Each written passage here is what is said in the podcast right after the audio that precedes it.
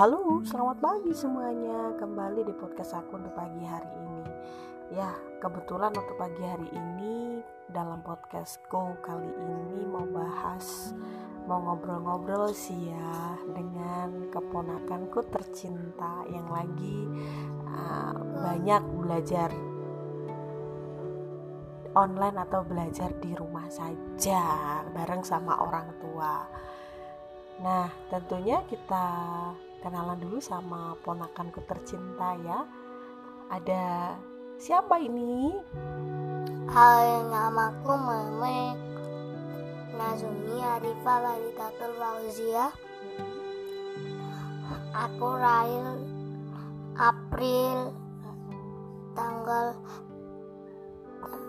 90 Tanggal 9 April. Tanggal 90 itu enggak ada. ah, oke Kakak Meme. Kakak Meme ini kelas berapa, Kak? hmm, kelas 2B kelas 2 sekolah dasar. Kakak Meme kalau pembelajaran di rumah aja kakak Meme seneng gak sih? Ya karena apa kok seneng belajar di rumah? Karena gambar di rumah seru nulis di rumah seru gitu. Nulisnya seru gambarnya seru.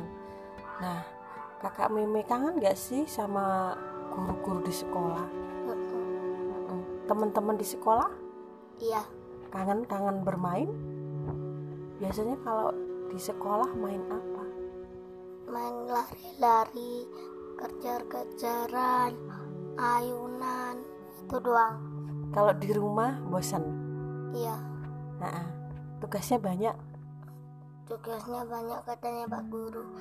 Elemennya nggak jadi LKS baru di di sini di buku tulis. Jadi gini guys eh, jadi guru gurunya keponakan aku ini ngasih tugas banyak gitu ya. Ada tiga tugas yang sudah diberi di LKS setelah diisi semuanya guys ternyata nggak jadi. Setelah selesai nggak jadi terus kita dikasih tugas ditulis di buku tugas. Ya pintar-pintarnya kita jadi orang tua ya kasih semangat buat anak-anak kita buat keponakan biar rajin belajar di rumah walaupun tugasnya banyak. Nah ya tante nggak punya tugas lu. Nah iyalah kalau anaknya tante kan masih satu setengah tahun tugasnya tidur main makan tidur main makan ya kan? Kakak Mimi kakak Meme yang paling dikangen itu temen-temen ya teman-temannya kakak Meme yang namanya siapa aja? Tiara Grace terus baru di sekolah. Ah, Diana